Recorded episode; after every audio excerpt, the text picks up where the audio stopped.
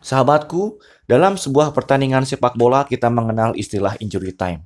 Injury time adalah waktu yang sangat singkat namun menentukan hasil dari sebuah pertandingan. Segala kemungkinan bisa saja terjadi. Yang seolah akan menang hanya karena lengah bisa berujung pada kekalahan. Yang seolah akan kalah hanya karena satu keajaiban beroleh kemenangan. Dalam injury time bukan hanya fokus dan konsentrasi yang dipertaruhkan, melainkan mental.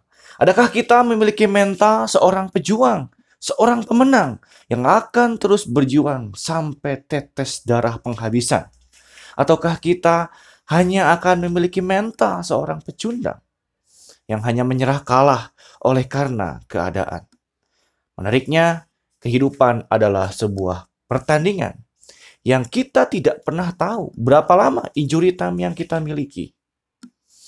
Sahabatku, mari kita kilas balik kehidupan kita. Berapa lama, berapa banyak pencapaian yang sudah kita raih. Jangan sampai kita lengah lalu lantas kalah. Tapi mari kita terus melakukan yang terbaik.